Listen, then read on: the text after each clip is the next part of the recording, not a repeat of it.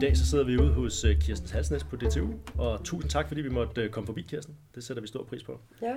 Øh, og jeg vil bare lige hurtigt øh, introducere lidt af de ting, jeg ved om dine meritter, men det kunne også være fint at have dine egne ord på det. Men jeg ved, at du er professor i klima og økonomi her på DTU, og du har været en øh, medforfatter, faktisk hovedforfatter på en del rapport under FN's klimapanels IPCC, og du er uddannet kanpolit og har en Ph.D. inden for klima, og omkostningerne ved drivhusgasreduktioner, hvis jeg har fået mine øh, noter rigtigt ned her. Øh, og du har jo sammen med resten af FN's klimapanel været med til at modtage en Nobelpris en gang i 97. Den hænger simpelthen deroppe til skue. Er det nogenlunde rigtigt introduceret, Kirsten? Ja, det er jo rigtigt. Jeg har faktisk været med i øh, de her øh, videnskabelige rapporter, som FN's klimaekspertpanel laver, siden øh, 1993, så jeg har 30 års jubilæum i år. Fantastisk. Tillykke med det. Øh, og inden vi går ned i agendaen for i dag, så vil jeg huske at starte med at nævne, at jeg er her, fordi at jeg er på en læringsrejse som klimaordfører for Liberal Alliance nyvalgt, og jeg kunne godt tænke mig at blive meget klogere på, hvad der egentlig foregår i klima, på klimaområdet, og i særdeleshed i IPCC-rapporterne, så jeg sætter stor pris på, at du har lyst til at tale med os, Kirsten. Men jeg vil også sige med det samme, at du er her, fordi du er en helt neutral ekspertkilde. Du er ikke øh, på nogen måde øh, affilieret med Liberal Alliance eller noget tilhørsforhold til os. Øh, og så vidt jeg forstår din egen motivation for at være med, så er det jo for at sprede noget faglig viden. Kan det passe? Ja, det er rigtigt, fordi øh, jeg synes jo, det er en vigtig øh, opgave for os som eksperter, at vi skal stille vores viden til rådighed for samfundet. Og det er jo noget, som DTU lægger meget vægt på også, så det er jo noget, jeg har min opbakning fra ledelsen til. Jeg kan også fortælle, at jeg har været til møder med mange politiske partier. Det er ikke så lang tid siden, jeg var til et møde med Enhedslisten, mm. som faktisk havde den samme motivation, som øh, Liberale Alliance har. Det er jo en god idé at, at få noget viden. Så jeg håber, at øh, jeg kan leve op til det og give jer en, en tilstrækkelig savlig vidensbaggrund for det arbejde, som I laver. Hvis der er et sted, man kunne lære noget om øh, klima for mit vedkommende, så må det være her om det her bord i dag, Kirsten. Så tak fordi, at du har lyst til at stille op. Jeg kan jo starte med i virkeligheden bare stille et ret åbent spørgsmål, for nu er der udgivet en, øh, en, en, en, en ny version af IPCC-rapporten, en synteserapport og lidt om øh, noget for policymaker, som jeg har dykket ned i med stor nysgerrighed. Men kunne du ikke prøve at fortælle lidt om, hvad du synes er de vigtigste pointer i det, vi ved i dag ud fra IPCC-rapporterne? Hvor står vi egentlig henne, og hvad er det vigtigste? Ja, altså en af de store nyheder var jo, at altså ved den sidste rapport, som blev offentliggjort her i marts, at nu ved man med ret stor sikkerhed, at vi vil passere de 1,5 graders globale temperaturændringer, som jo er en af det laveste mål i Paris-aftalen. De har også et mål om 2 grader. Og det vil nok ske inden for de næste 10 år. Så derfor så er det jo en meget stor udfordring, at hvis vi kommer op over det temperaturniveau, så prøv at se, hvad der så sker. Mm. Og der er jo faktisk lavet beregninger med de store internationale modeller for, hvad der kunne være en mulighed, at man måske op mod efter år 2050 kommer op måske på 1,7 grader, og så igen forsøger at nedsætte temperaturen til de 1,5 grader. Og det er jo en kæmpe udfordring, fordi jo højere temperaturen kommer op, jo sværere bliver det jo faktisk, fordi forestil jer, at mere af isen smelter op på Grønland. Forestil jer, at øh, permafrosten smelter, og der begynder at øh, blive udslip af metangasser, som er en meget øh, stærk øh, drivhusgas. For hver eneste ekstra ton CO2, som vi, øh, eller drivhusgas, som vi udslipper, jo sværere bliver det at komme ned igen. Så det er en kæmpe udfordring, vi står overfor. Så der er simpelthen nogle feedback loops, vi skal arbejde imod? Ja, der kunne godt være sådan noget accelererende i systemet. Ja. Så vi, øh, det var en af de store nyheder, men nyhederne er jo så stadigvæk også, at øh, siden, og det var derfor, jeg også sagde, at jeg har deltaget i 30 år, det er fordi, øh, det var meget interessant, fordi i starten af 90'erne, så troede vi jo ikke på, at vedvarende energi og mange andre løsninger faktisk kunne blive så billige, som de er. Det er en kæmpe overraskelse. Vi havde heller ikke troet, at man kunne have et mål overhovedet at tale omkring 1,5 grader øh, temperaturændringer. Der talte man om, åh, måske kan vi holde den helt nede på de 3 grader, eller måske bliver det 6 grader eller mere. Så der har jo faktisk været nogle kæmpe fremskridt i, i, i de muligheder, som man har set. Ja. Så tit taler man det som om, at der ingenting sker, men der er faktisk sket uendelig meget på de her områder. Det er jo fantastisk. Øh, og det synes jeg i virkeligheden lidt leder mig til et øh, opfølgende spørgsmål, jeg har skrevet ned, jeg gerne vil tale med om. Det er, fordi du har jo engang udtalt i Berlingske noget i retning af, at den NGO-diskurs om, at vi skal være angst og desperate, det kan vi ikke rigtig bruge til noget. Det synes jeg passer godt ind i det, du lige sagde her, at der måske viser sig faktisk at være veje til, at vi kan undgå, at det bliver rigtig slemt det her? Altså det, som jeg synes, er, at vi skal koncentrere os om at gøre noget ved problemerne. Og når det gælder angst, så synes jeg, at øh, I skal snakke med nogle psykologer. Det har de forstand på. Men min lægmands øh, intuitive oplevelse vil nok være, at det gælder om at være handlingsfremmende. Mm. Og øh, der synes jeg, vi skal se helt konkret på, hvad man kan gøre. Og øh, der synes jeg, et resultat, som der også er, øh, er med i de RBC-rapporter, vi har, det er, at det viser sig faktisk, at siden øh, år 2000, der er øh, solceller og vindmøller på land og til havs faktisk billigere end fossile brændsler. Og det kan godt være i Danmark, at det ikke er nogen stor nyhed, fordi der har vi jo altid sagt, det er jo så billigt, og det går så fint. Men det er jo ikke helt det samme som, at der sidder alle verdens regeringer og skriver under på, at det faktisk er det. Og det gjorde de jo. For det er, det er nogle tal, som er med i de der øh, afgørende fælles konklusioner for alle verdens regeringer.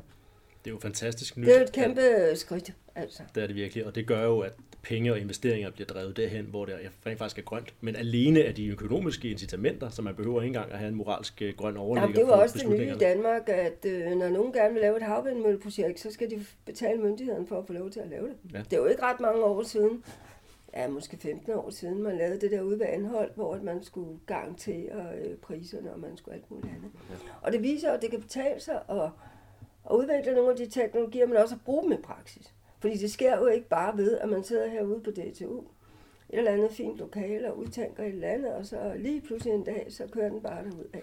Altså det, det er jo en lang proces, hvor du i virkeligheden begynder at tage det i brug, og du lærer noget gennem at anvende teknologierne. Det, det, er jo en, det er jo en point, der ligger tæt på mit hjerte, fordi det er jo lidt det, jeg er uddannet i, det her med, hvordan man kan få innovationer ude i hænder på forbrugerne eller, eller virksomhederne, der skal bruge dem i sidste ende. Og det synes jeg er super spændende at få ja. Øh, innovationer, innovationerne ud. Og, og når de økonomiske incitamenter står rigtigt, så går det tit ret stærkt. Så det er jo dejligt, at vi er nået dertil. Men det har vi jo været gode til på nogle områder i Danmark, synes jeg. Ja. Og, øh, og det synes jeg, det er det, vi også skal fortsætte med. Vi har det jo også for eksempel energibesparelser. Det er jo blevet lidt mere op i tiden efter Ukraine-krigen og mangel på gas og de høje energipriser. Der har du jo også de store danske firmaer som Danfoss og Grundfos og de der, som har været dygtige til at og de andre. Altså få det her ud i, i marken.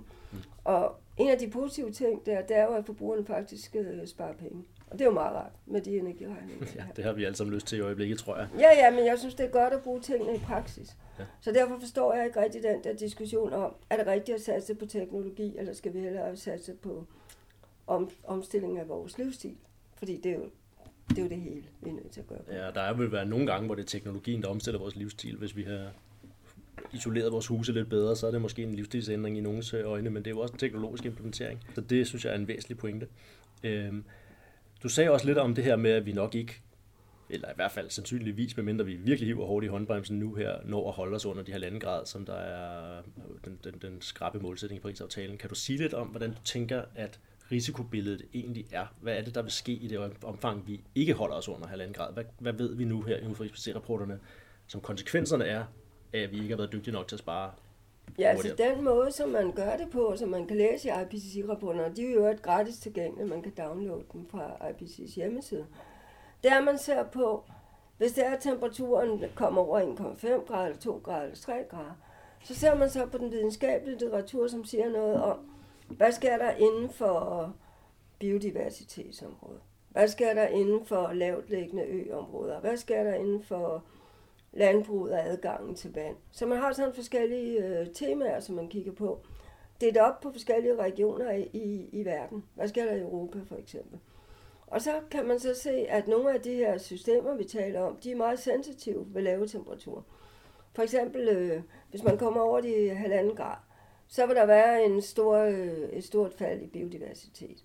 Der vil også være øh, koraller, koralplejning, og der kan være øh, flere oversvømmelser, og der kan være områder i verden, hvor du får store form for tør- tørke. For eksempel omkring Middelhavet. Både det sydlige Europa, der vil give også problemer med EU's landbrugspolitik, og i det nordlige Afrika, som vil give andre typer af problemer, som vi ved allerede i dag med flygtninge. Så man kan gå ind og se helt konkret. Men der er ikke nogen opgørelse over, hvad der sker med hele planeten. Det er temaer, som en, og kun baseret på øh, de her fagfældebedømte videnskabelige øh, artikler som man så gennemgår alt, hvad man overhovedet kan finde.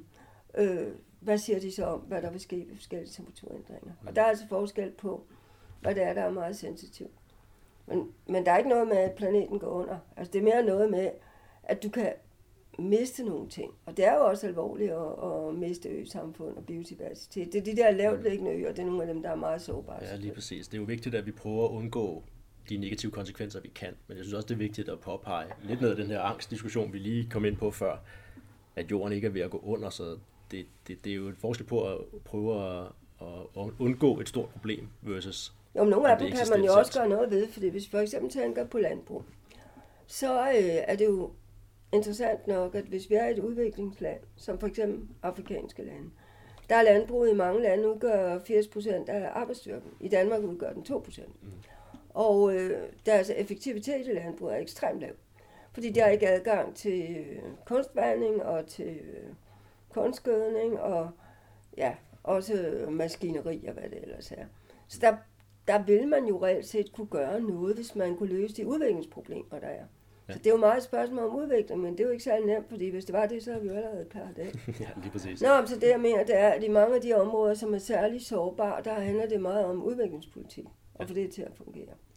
Det synes jeg er super spændende. En, en, en stor del af, af vores eget øh, perspektiv på det her, det er at hjælpe i andre lande med at opnå nogle af de gevinster, vi har haft med den teknologiske udvikling til at kunne være grønnere og måske mere miljøvenlige, eller hjælpe på biodiversiteten, eller landbruget, som du er inde på i Danmark.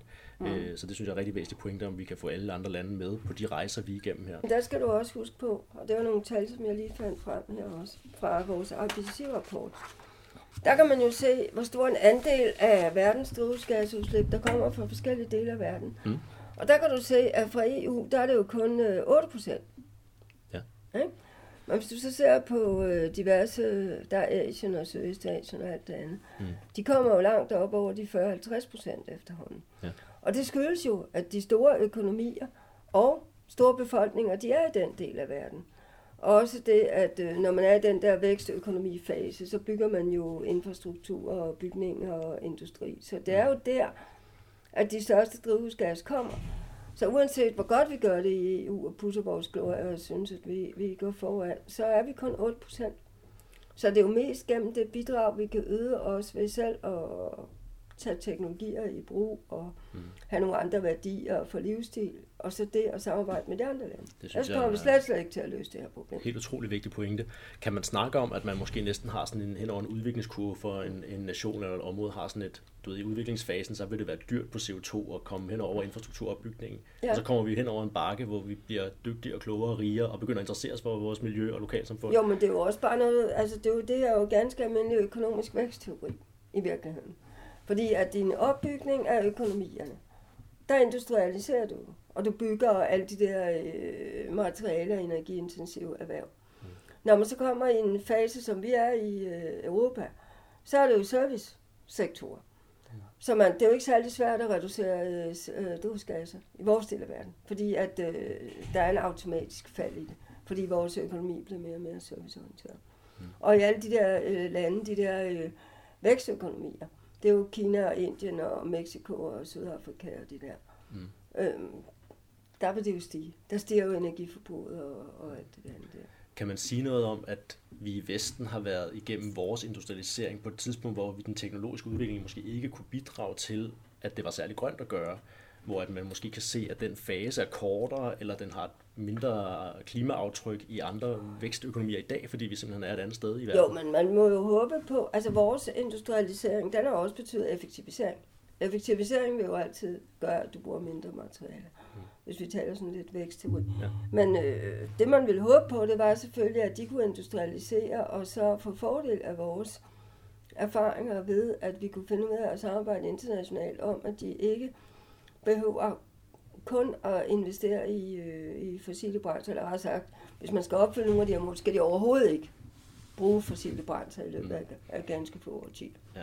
Altså, jeg... Og der har du så et problem der også i industrialisering, fordi at øh, hvis nu man har investeret en masse i forskning og udvikling i, i Vestas og andre virksomheder, så er man jo ikke særlig glad for, at øh, i Kina har man sine egne virksomheder, som Goldwyn og hvad de nu hedder, og man har også mm. i Indien. Der er et bedre samarbejde med Indien nu. Ja. At, øh, altså, hvis man kunne løse det der øh, intellectual property right problem, så kunne man altså komme temmelig langt. Ja, simpelthen få innovationerne ud i hænderne på de rigtige, på det rigtige sted, på det rigtige Ja, altså finde en forretningsmodel, hvor at du sørger for, at øh, alt, hvad man bygger i de forskellige lande, det egentlig svarer til den højst mulige videnskabelige tekniske standard. Ja. Altså, jeg har ikke nogen fix løsning på det. Men, øh, Men, Men det er da klart, at det vil det betyde. Du har det også med elbiler, hvor du har nu en konkurrence fra Kina og Indien. Og hvor jeg forestiller mig, at USA og EU vil sætte nogle standarder, som gør, at de ikke kommer ind på vores marked. Ikke? Ja, ja, ja. Så det her handler jo også om internationale geopolitiske spørgsmål omkring handel. Det gør det nemlig. i Og det er lidt svært for os at gøre så meget ved, men det gør det jo. Mm. Altså, det Ja, og der er vi selvfølgelig en lille fisk, men det er meget interessant at have. Men det er jo noget, hvor DTU på en måde er meget involveret, fordi vi har virkelig mange øh, kinesiske og andre udenlandske phd studerende og almindelige studerende, som kommer, fordi de gerne vil lære de her ting. Så appetitten på det, eller efterspørgselen, er jo faktisk fra udviklingsøkonomierne i at få nogle eksperter hjem, der kan noget af det her. Det er jo en anden måde at Ja, ja, den er kæmpe stor selvfølgelig. Men øh, det er jo klart, at virksomhederne, danske og europæiske virksomheder, de er nervøse. Ja. Altså for, øh, hvordan viden bliver overleveret, fordi man ikke har fået løst de der rettighedsspørgsmål. Det synes jeg er en rigtig god pointe. Et andet perspektiv på det, som ikke er så meget med rettighedsspørgsmål, det er jo for eksempel øh, noget, som jeg synes er lidt de ubesungne helte inden for den grønne omstilling i Danmark. Det er måske nogle af de her øh, energireduktionseksperter, på, måske især på kulsystemer, som vi har sendt ud til både Kina og til Indien. Nå. Øh, Energistyrelsens folk, som kommer hjem efter sådan nogle projektfaser på, på, på måneder eller et halvt år og kan sige, at så har man så reduceret øh, de her Jamen, landes altså nogle udslip. planlægningseksperter. Ja, lige præcis. Ikke? Hvordan de Ja. kan få balanceret de her systemer bedre, og man simpelthen har mindre udslip i de her vækstøkonomiers ting. Øh, Og det er jo et rigtig godt eksempel, synes jeg, på, hvor man kan sige, at dansk know-how og vores industrialisering rent faktisk kan komme nogle andre lande øh, til gode lidt hurtigere. Men du har det jo alle steder. Du har det i Østeuropa, eller i øvrigt også i England. Hvis man har været der, så ved man jo godt, hvordan, hvor koldt det er om vinteren, fordi deres vinduer og huse er så dumme. ja, Så der er jo et kæmpe effektivitetsgab i hele verden. ja, lige præcis. Også i USA. Der Ja. kører de jo med 50 år gamle kulfyrkraftværker, som har en meget lav effektivitet sammenlignet med noget nyt. Ja, lige præcis. Så en, en øh, to streg under på at få, nogle, få alle vores gode vestlige kundskaber ud i hænderne på så mange økonomier som overhovedet muligt. Ja, og sørge Best for, at de ikke skal gentage hele vores udviklingsretning, fordi så vil du få den samme. Ja, lige præcis.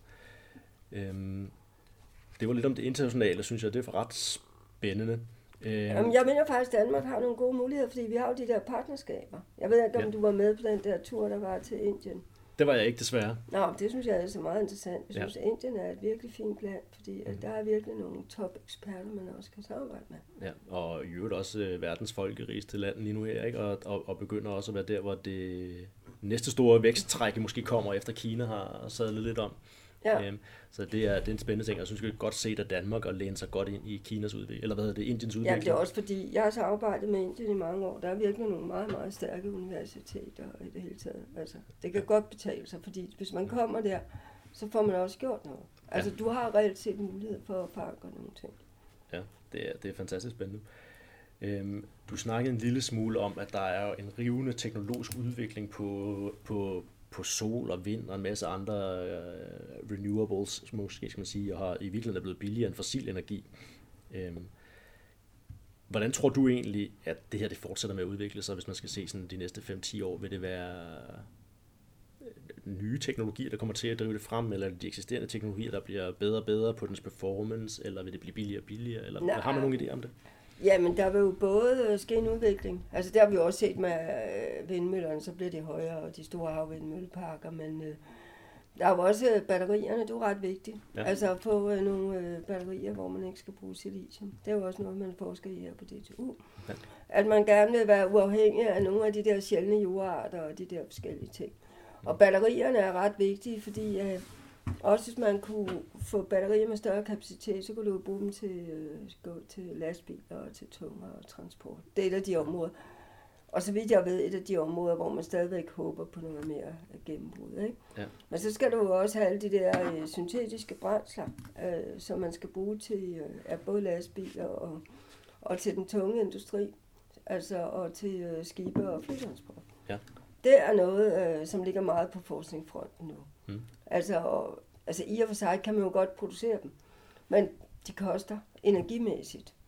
Og det er derfor, man gerne vil tale om det der power to x, hvor at når du har for meget vind ude på din havvindmølleø, øh, så kan du putte dem ind i, øh, altså i virkeligheden lære energien ved at producere de der brændsler. Mm. Og der synes jeg jo, det er spændende, at, at Mærsk for eksempel, de har jo lovet, at de skulle være, er det 2045 eller 2040, de skal være CO2-neutrale. Jeg tror, det er fordi, de tænker, at de vil øh, udkonkurrere mere, øh, ja, hvad skal vi sige, ikke så avancerede store verdensrederier ved at kunne sætte Og så er det jo klart, at så vil Mærsk selvfølgelig gerne have, at dem, der skal have transporteret deres varer, der er der jo allerede eksempler på, sådan nogle som Walmart og sådan nogle, at de siger, at vi vil kunne sige til forbrugerne, at vi kun har øh, transporteret vores varer med det her. Ja. Så det er jo klart, at øh, det er der, du ser en form for forretningsstrategi, som gør, at øh, for ellers vil de jo ikke. Ja, ja og kommer der flade ensartede klimaafgifter på blandt andet transport, så vil det jo selvfølgelig være klart. Jamen det gør der jo ikke på det der, fordi det er jo international skibstransport. Det er selvfølgelig svært at gøre, det, det er det. Jamen det kommer der jo ikke. Jo, de har jo altså faktisk øh, den der internationale luft, eller skibsfartsorganisation i FN, har jo lavet nogle øh, aftaler om nogle med nogle reduktionsmål. Ja. Men altså det der er det sjove, jeg synes du skulle tage ud og holde et møde med nogle af alle de der skibsingeniører. Jeg var, jeg var til et møde, hvor jeg blev opfordret til bare at komme og holde et, et oplæg på deres årlige generalforsamling. Det var meget sjovt. Øh, de var, jeg har sjældent set mere begejstrede mennesker. De var helt vilde med alle de her spændende tekniske udfordringer, de ja. havde. Altså det var helt nede på det der MAN-diesel, og hvordan kan vi få de her maskiner til at køre noget. Det var, det var alt simpelthen, og øjnene, det lyst på dem. Ja. De var helt vilde med alle de der løsninger. Men det er også det gode ved ingeniørtyper, ikke? Det er, når de ser en udfordring, så bliver det sådan noget, der er, er, er drivende for deres motivation, og det er jo fantastisk, at det er sådan, at vi har Nå, men det var det bare, og de var meget optaget af alle de her løsninger, som de ville skabe. Ja. Så det har givet et enormt kreativt miljø der. Det, ja, det er det. Øhm. Men jeg vil tro, at det her, det hænger også sammen med, om du får nogle, øh, altså, om, om det vil lykkes internationalt at sige til firmaer, at I skal kunne sige, at I transporterer på den rigtige måde og sådan noget. Ja. Fordi Eller det så kommer klima... Mærsk har et incitament. Ja, lige præcis. Eller så kommer klimaafgifterne selvfølgelig på varen, når den er blevet transporteret, og hvis den så er blevet transporteret grønt, så har den selvfølgelig lidt mindre ja, Ja, det kommer du aldrig nogensinde til at kunne måle rigtigt, ifølge min opfattelse. Ja. Hvis det er bare den samme afgift per kilometer transporteret, mm. og du ikke ved, om det er med det ene eller det andet skib, så kan du ikke betale sig. Kan du egentlig nu, det synes jeg var en spændende ting, vi lige kom ind på det her, i forhold til med at måle, hvor meget aftryk egentlig er, eller et, et produkt, der består af 100 forskellige komponenter, hvad er det egentlig for en beregning, der skal igennem, eller et landbrug, eller sådan noget. Hvad, kan du sige noget om den kompleksitet der, og hvordan er udsigterne egentlig for, sådan, set for et videnskabeligt synspunkt, ja, altså, til vi kommer hen til bedre sted? Jeg har jo altid synes, at de der øh, principper, som gælder i FN-miljø, klimaaftalerne, med at man måler udslæbene ved kilderne, det er det, som jeg synes er det bedste. Ja. Fordi så kan du også holde de lande, som, som øh, huser, eller som er vært for de her kilder, ansvarlige for det. Fordi det er lidt svært, hvis du skal lave sådan nogle baglænsberegninger med, så er der en, øh, et eller andet, du har købt i Kina, og det blev så produceret på den fabrik, og et andet et andet sted. Så jeg synes, at den direkte regulering af kilderne nok er det, man skal, ja. skal sætte noget på. At det fordrer jo i hvert fald helt klart noget internationalt samarbejde for at nå hen til det mål. Det er jo der, hvor landene har forpligtet sig. Ja. Fordi det er jo der, du i øh, klimakonventionen, der har du jo øh, en forpligtelse til med et eller andet få antal års mellemrum og rapportere, hvor mange udslip du har. Og mange af dem kan man jo faktisk måle, fordi hvis det er på energisektoren, så kan du regne ud, øh, der er så så meget øh, kulstof i kul og så. Så er det klart, at sådan noget som landbruget, og det var også noget af det, man snakker om nu, at man begynder at lave sådan nogle øh, former for driftsresultat eller værktøjer, hvor man kunne begynde at se på det. Det er svært for landbruget. Mm. Men det er jo bare lidt svært fordi hvis du ikke ved, hvad den enkelte landmand har udledt, så er det jo altså også lidt svært at sige, at nu belægger man en afgift, hvis man ikke ved det, fordi så får du igen problemet, kan det betale sig at reducere det. Ja, hvis du præcis. bare får gennemsnit det samme som naboen, som ingenting har gjort. Lige præcis, og det synes jeg er meget, meget interessant, og jeg har faktisk lavet mig fortælle, at varianten på, hvad en enkelt ko kan finde på at udlede, er noget med faktor 100% op eller ned for den enkelte ko, alt efter hvad den kos, ja. øh, hvad den lige spiser, og hvor den lige præcis står, og dens øh, natur måske i virkeligheden bare. Men så der det... vil jeg jo mene, at øh, vores venner over på øh, det der Forlum, altså Aarhus Universitet, det ved de jo godt. Så, altså, men, altså, det kan man jo, det er jo mm. verificerbart. Men man arbejder jo også med at have nye foder, fodringsmetoder og sådan noget. Ja. Men der er jo også forskel på, hvilken type ko det er. Altså hvor store de er, hvor meget de spiser, hvor meget mælk de giver og alt det der. Øh, det kan godt være, det var et større problem i min bevidsthed, end det i virkeligheden viser Nå, sig nej, at men være. det ved jeg er- ikke, men jeg tror... Nej, nej, men det kan godt være, du har ret, men jeg tror, at der er data for det. Ja. Altså, Ja. Men i hvert fald pointen er, og det er den, jeg er helt enig i, det er jo selvfølgelig, at jo mere data vi kan få på, hvordan det rent faktisk går med klimaet, hvad den enkelte besætning i en stald udleder, eller hvad et land gør, eller en, en, en produkt består af for nogle komponenter, jo mere det data vi har på, hvad det rent faktisk har klimapåvirkning, jo Ja. nemmere kan vi træffe beslutninger. Det Ja. synes jeg er super Og jeg synes, det er meget uheldigt, hvis man laver nogle afgifter, hvor at, øh, at det ikke rammer præcis. Fordi det vi gerne vil, altså hele den økonomiske logik, som du også selv taler om, det er jo, at okay, det koster et eller andet 500 kroner per ton CO2, og hvis jeg så selv personligt kan reducere på en pris, der er lavere end det, så reducerer jeg. Men hvis du så alligevel skal betale de 500 kroner per ton CO2, så, Mm. så virker det jo ikke. Ja, lige præcis. Så man er nødt til at vide det ret præcis, hvis det skal virke. Hvad med, øh, når du lige siger det her med at være præcise på, på, på CO2-afgifter, så har vi jo en tendens i Danmark til at lave øh, punktafgifter på forskellige ting for at mindske lige præcis det områdes øh, impact. Et, et godt nyligt eksempel er jo for eksempel flyafgifterne, hvor det jo egentlig er lidt ligegyldigt, hvor meget flyturen udleder. Det er bare, at hvis der er en flytur, så koster det et eller andet, fordi vi ved, at i dag udleder flyture et eller andet. Men det er jo faktisk ikke flyturen, vi er noget imod. Det er jo sådan set udslippet flyturen medfører, vi har noget imod. Ja, ja. Så kunne man sige noget mere generelt om det som værktøj med at være specifik på en ting, vi ikke kan lide, versus noget, der følger det, vi ikke kan lide? Altså den afledte effekt, eller er det selve... Nå, det er jo Udslippet. klart, at øh, logikken er selvfølgelig, at det skal følge øh, forureningen.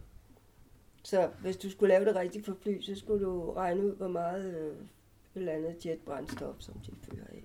Yes. Men nu er du selv ny på Christiansborg, og der er jo meget politik derinde. Præcis. det er jeg begyndt at... Det har du lært. Det har jeg begyndt at lære. Nej, nej, Øh, men det er mere, det er, at logikken i de økonomiske lærebøger, det er selvfølgelig, at du hele tiden skal finde ud af lige præcis, hvad der bliver udledt, og så skal det være en ensartet pris, fordi så kan det betale sig og reducere ned til den her pris, og så bliver omkostningerne lavest muligt. Ja. Men det er jo meget en teoribogs. Det er model. klart, yes. Ja, Og det fordi ikke- at det virker ikke helt sådan i, i, i virkeligheden, fordi der kan jo være alle mulige forstyrrelser på markederne. Og der er jo alle mulige andre afgifter. Vi har jo ikke tænkt os at afskaffe alt, hvad vi har af afgifter i det hele taget, så kun af CO2-afgifter. Ja, nu kan vi hurtigt komme ind i noget politik øh, der, Kirsten. Det kunne godt Nej, være, at vi nej, havde det lyst til at afskaffe alle... Øh... Ej, nu laver jeg sjov. Det kan du da godt forsøge. Det kan du se, om du kan undervise, øh, hvad det hedder, overbevise nogle vælgere. Øhm, en, en, en, en ting er jo værktøjet at lægge nogle afgifter på, og, og jeg tror, vi er ret enige i det her, i det omfang, at man kan lægge det på selve forureningen og ikke på punkter, så er det nok smartere at gøre. Men en anden, en anden ting er jo også incitamenter. Det kunne fx være at løfte afgifter eller øh, skattebyrder på ting, som vi ved er grønne. Altså det er jo faktisk i dag også betragtet ret øh, ligeligt. For eksempel er det lige så dyrt øh, øh, at Øh, hvad ved, jeg, vi kunne jo godt tænke os, at der var en meget, meget lavere registreringsafgift på bæredygtige biler, eller at man havde en lav elafgift, fordi el er fordrende for den rigtige type forbrug i hele vores system, i elsystemet, kontra andre naturgasopvarmning osv. osv. Kan du sige noget om, det, det, det økonomiske incitamenter fungerer vel også på den anden side, altså det er jo ikke kun øh, der er vel også guldrådselementet her. Jo, men øh, hvad det hedder, øh, der er mange andre grunde til, at du har en registreringsafgift, for eksempel. Det er det, jeg mener. En hver ting, du beskatter, den er jo begrundet i forskellige ting, ikke? Det er klart. Du kan sige, at der er støj, og der er lokal luftforurening, og du belaster vejene, og der er trængsel og alt det der. Ikke? Så det er derfor, du kommer aldrig til det der rene, hvor der ikke er nogen afgifter i forvejen. Ja, så med andre ord, hvis der skal være en afgift på noget, så er det selvfølgelig fordi, at den har noget, man gerne vil af med. Der er en Ja. eksternalitet, man skal Ja, den skal begrundes ned. i, at der er en eller anden ulempe ved den, ikke? Lige præcis. Og så skal man selvfølgelig ikke gå længere ned, end eksternaliteterne fordrer, men man skal vel heller ikke mere, end eksternaliteterne fordrer. Det er jo så den anden side af ligningen. Nej, men det er jo så noget andet problem, jeg har som politiker. Det er ret sjovt, fordi man snakker engang, det kan jeg huske, hvor vi lavede nogle analyser, før man havde Klimarådet, der havde noget, der hed Klimakommissionen. Og der var det et stort problem, at hvis du nu øh, beskatter fossile brændsler, og så bliver de afviklet. Fordi at man jo netop opnår det formål, man har på vedvarende energi, så mangler der jo nogle penge i statskassen. Ja. Og det er jo det problem, der vil opstå. Altså, Ja. Og det skal man lade være at sammenblande, fordi så må de penge skaffes på en anden måde. Fordi det kan jo ikke være et formål at, at beskatte noget på en måde, hvor det bliver ved med at fortsætte. Det var jo ikke det, der var formålet med. Ja. Jeg synes bare, det var ret sjovt, og den diskussion, den blev videre ved. Ja, Den præcis. tror jeg også, du har omkring Den, øh, den er blevet ved og ved og ved, kan jeg så fortælle. Den kører stadigvæk i forskellige afarter. Ja, Øh, men jeg tror ikke, at det der med bare at indføre de høje CO2-afgifter er så nemt i virkeligheden, fordi der er nogle kæmpe fordelingsmæssige effekter. Mm. Det vil der jo være, fordi folk med en lav indkomst, de bruger en større andel af deres forbrug på, øh, på fødevarer, for eksempel. Ja. Så jeg synes ikke, det er så enkelt, og jeg synes, at øh, det handler vel også om at finde ud af, at landbruget kan omstille sig til at producere noget, som de selv kan have en økonomisk fordel ved, og som er, er godt for klimaet. Ja, lige præcis. Kunne man, kunne man på landbrugssiden opnå det samme, som man har nået med solceller og vind, at man har en, en kostkurve og en teknologisk udvikling, ja, der gør, det det kommer ind? Ja, det at man kunne specialisere sig i at have nogle nye fødevarer, også som folk gerne vil have. Hmm. På den måde kunne Danmark også sætte et eksempel for andre lande. Ja. Så det er meget et spørgsmål om at udvikle landbruget, og hvordan man så gør det nemt, det, det ved jeg ikke, men, øh, men jeg synes bare, at diskussionen om, hvorvidt man bare skal lukke landbruget, eller kun bruge markedsmekanismer, og så klare det hele sig selv, den er måske sådan lidt lærebogsagtigt. Hmm. Der tænker jeg mig tilbage til mit studie, når jeg hører det. øh, ja. En, en sidste ting, jeg måske er en lille smule nysgerrig på, det er det her med, hvordan du tænker, at vi egentlig skal forholde os til, øh, at vi måske ikke lige rammer vores målsætning, og om hvor altså halvanden grads målsætning for at være præcist, og hvor, hvordan du egentlig ser det. Fordi jeg synes, at der er noget i rapporternes ordlyd, og noget af, af det her med at prøve at skabe noget, øh, noget momentum på handling via noget andet end angst. Men det er også vigtigt at kalibrere, hvor travlt vi egentlig har rigtigt. Altså, hvad, hvad er det egentlig din sådan en, der er lidt noget afvejning med at sådan løfte pegefingeren og sige, det, det er farligt. Mener du i Danmark eller internationalt? Jeg mener egentlig internationalt, men det har selvfølgelig en afsmittende effekt på, hvordan vi skal stille os i Danmark. Nå, men jeg sagde jo før, at, det, at det, øh, jo mere du bevæger dig opad, jo sværere bliver det. Så derfor er det mm. faktisk ret vigtigt at gøre, hvad vi kan. Og hvis vi passerer de 1,5 grader, så er det ret vigtigt at komme nedad igen. Ja. Fordi der er nogle af de der øh, systemer, som vi taler om, også med altså både natur, men også menneskelige levevilkår, mm. Sundhed og hedebølger som er meget følsom, når du kommer over de 1,5 grader. Ja. Så altså, det er jo klart, at øh, man skal forsøge at nedbringe udslippene så hurtigt som muligt. Ikke? Mm. Så der, jeg, altså, hvis du tænker på et argument, så må lad os tage lidt roligt, fordi så kommer teknologierne nok. Og det tror jeg egentlig ikke holder så meget, fordi at, øh, jeg tror, at teknologierne er meget afhængige af innovation, som vi også talte om. Så jeg tror, at man er nødt til at og få dem sat i søen, og, og så komme så langt som muligt. Og, og innovation bliver drevet frem nogle gange af nogle, øh, nogle pres eller nogle interesser, og sådan noget, ligesom der sker det, så kommer der også noget af det. Men jeg tror måske, det er i virkeligheden mere mener, end, end at vi skal gå og vente på noget, hvis jeg sætter lidt en, en, en, en, en holdning eller en agenda på det. Det er måske mere, at jeg læser det faktisk som om, at rapporterne egentlig siger, at vi har alle værktøjerne, vi faktisk skal bruge til rådighed, at det er egentlig bare et spørgsmål om at hive i de rigtige håndtag på det rigtige tidspunkt, mere end at vi skal gå og tænke, at det her det er et uoverstigeligt problem at vi ikke kan løse. Det er måske mere det, jeg spørger ind til. Ja, men altså, jeg synes jo, at ja, ja, du har selvfølgelig mange forskellige muligheder. Men jeg synes jo nok, at når vi taler om, at det her også er en geopolitisk udfordring, at du har en meget stor del af verdens befolkning, der stadigvæk lever i fattigdom, hmm. at så er det nok, jeg ser jo ikke så meget klimaet som et miljøproblem, jeg ser det mere som et udviklingsproblem. Så jeg synes, at det at få løst nogle af de der store udfordringer i verden med at og få løftet alle mennesker op på et godt øh, leveniveau og alle de andre ting. Det, det er altså nok det, det her kommer til at handle om i meget høj grad. Ikke? Ja, det er en rigtig god betragtning. Øhm, det var faktisk, hvad jeg havde forberedt, jeg gerne vil spørge om. Og så synes jeg egentlig bare, at jeg vil vende rundt. Er der et eller andet, som du gerne vil spørge mig eller Liberal Alliance om, eller et eller andet, du synes, vi fuldstændig overser i det, vi tænker her? Ja, jeg kan jo godt sige, at øh, noget, som jeg og dem jeg samarbejder med, synes er ærgerligt, det er, at vi synes, at, øh, at der bliver gjort for lidt omkring øh, altså klimatilpasning og de her klimahændelser, som der faktisk sker i Danmark. Fordi at mm. det blev meget, jeg synes, det er meget godt, at det er lagt ud til kommunerne, at de skal lave planer. Fordi det er jo dem, der er, er som skal bestemme over byudvikling og, men jeg synes, at øh, det er meget lidt, der foregår på det der område der. Og der er virkelig meget mangel på data på mange af de der områder. Vi ved ikke særlig meget om, øh, hvor hyppigt de her stormfloder kan komme. Og, mm. øh, ja, det, det er meget tyndt område, og det er meget, meget vanskeligt at få nogen som helst forskningspenge. Så vi synes, at det er et meget svært område rent forskningsmæssigt at, at komme videre på. Vi har et enormt stærkt samarbejde med kommunerne. Ja hvor vi hjælper dem, fordi vi har ideen om, at kommunerne må godt selv. Øhm, vi har lavet sådan open source modeller til dem, så kan de selv sidde og lave en masse beregninger, bare med meget begrænset hjælp. Så kan de selv i de der GIS-systemer, de har i kommunerne, alle kommunerne, de kører efterhånden med sådan nogle GIS-systemer, hvor de har registreret alt omkring veje og børnehaver og skoler og altså alt, hvad du nu har. Mm. Så kan de jo bare lægge det her oveni, og så laver de deres egen planer og integrerer det direkte i, hvad de gør. Så ja. det synes jeg, det, det, det er meget fint. Mm. Men det er et område, som ikke får stor opmærksomhed. Ja. Er det egentlig dit eget daglige Det er det forskningsområde, jeg har lige for tiden. Ja, det tænker jeg. At vi prøver at arbejde meget med, hvad sker der med de her ekstreme hændelser. Ja. Og også prøve at måle økonomisk på, øh, hvad er det for værdier, der er på spil. Ja. Det er det, vi arbejder med. Interessant. Er der men, nogle øh, mellemkonklusioner eller andet, du er kommet frem til, som der kunne være ja, men, at hive frem her? Ja, altså det er jo, at øh, det faktisk er, øh, der kan godt ske noget med de der ekstreme hændelser, og det gør en forskel, hvis man kan forberede sig på dem. Ja. Men når man er nødt til også at finde ud af, hvem det er, der skal finansiere de her løsninger, fordi øh, altså lovgivning er jo sådan, at kommunen kan bestemme, hvordan bidragsfordelingen skal være, hvis man vil bygge et øh, dige eller sådan noget. Mm. Men øh, man har jo ikke, øh, det er så frit for kommunen at sige, om det kun er grundejeren, der ligger ud til kysten, der skal betale, eller om der også er kommunale penge og virksomheder og sådan noget. Så ja. der er jo flere af de her projekter, der strander. Ja. Og du har et kæmpe problem i København. Det kunne jo godt interessere dig lidt for, måske. Mm. God pointe.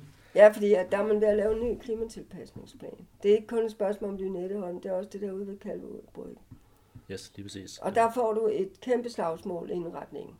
Fordi øh, der er en masse diskussioner om, hvor højt øh, vandstanden kan komme ved forskellige stormfloder, om det er lufthavnen og metroen og, de, og nogle virksomheder, der skal betale det hele, eller hvad det er. Altså. Ja. Mm. Nej, et andet forskningsområde, som måske er mere relevant for, at vi taler om, det er, at, og det var også det kapitel, som jeg var leder af i IPC-rapporten. Det går på, hvordan du kan kvantitativt måle på, at hvis du laver et klimaprojekt, altså reduktion af drivhusgasser, at så har det samtidig en masse øh, synergier med SDG'erne, altså bæredygtighedsmålene. Mm-hmm. Det er det, som øh, vi arbejder meget på.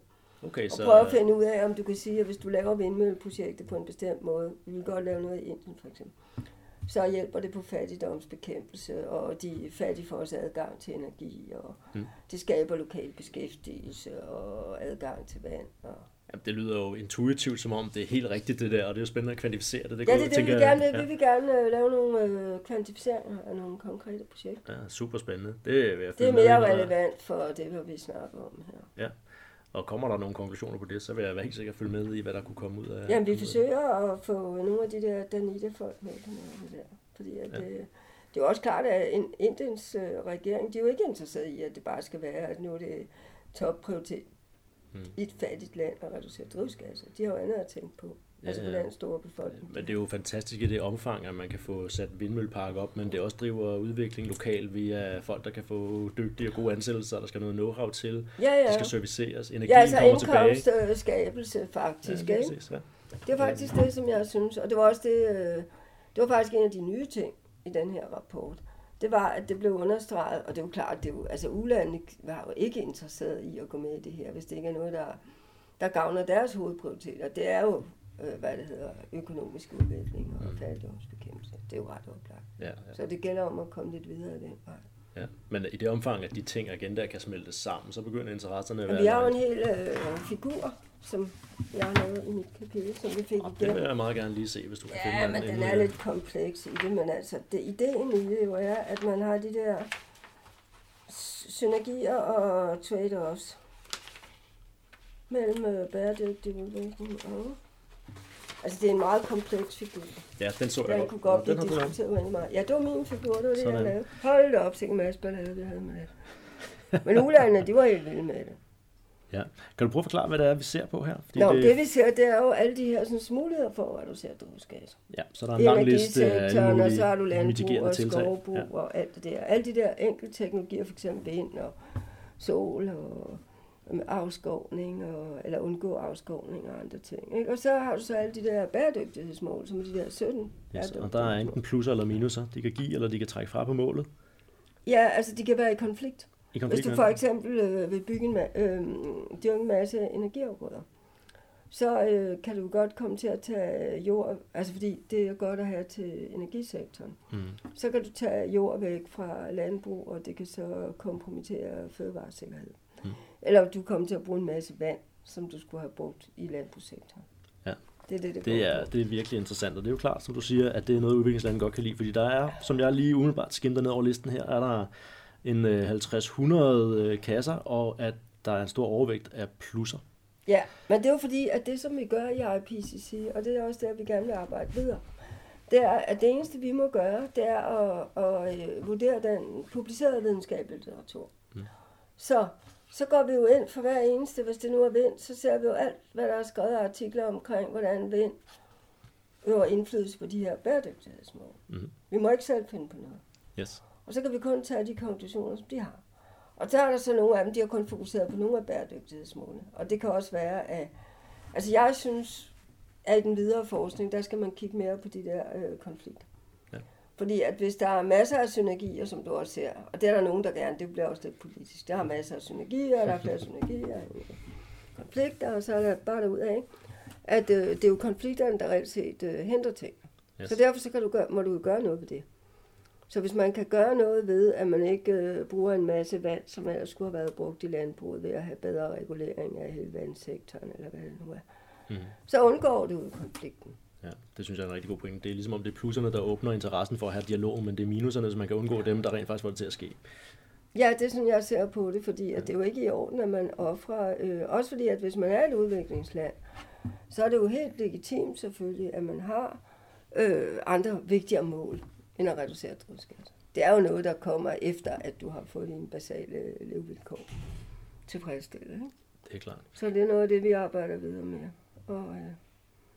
Og sådan en spændende videre perspektivering, vi lige kan slutte på her, Kirsten. Så vil jeg bare afrunde nu her og sige tusind tak, for de du gad at deltage, Kirsten. Det var pænt af dig lige at sætte lidt tid af til os, og ja, min mission om at blive klogere, den er i hvert fald helt sikkert lykkes, så det håber jeg også, at dem, der lytter med, er blevet en lille smule, og jeg Ja. håber også, at dit, din mission om at bidrage med lidt viden i debatten også føles indfriet, bare i hvert fald en lille smule. ja, ja. Tak.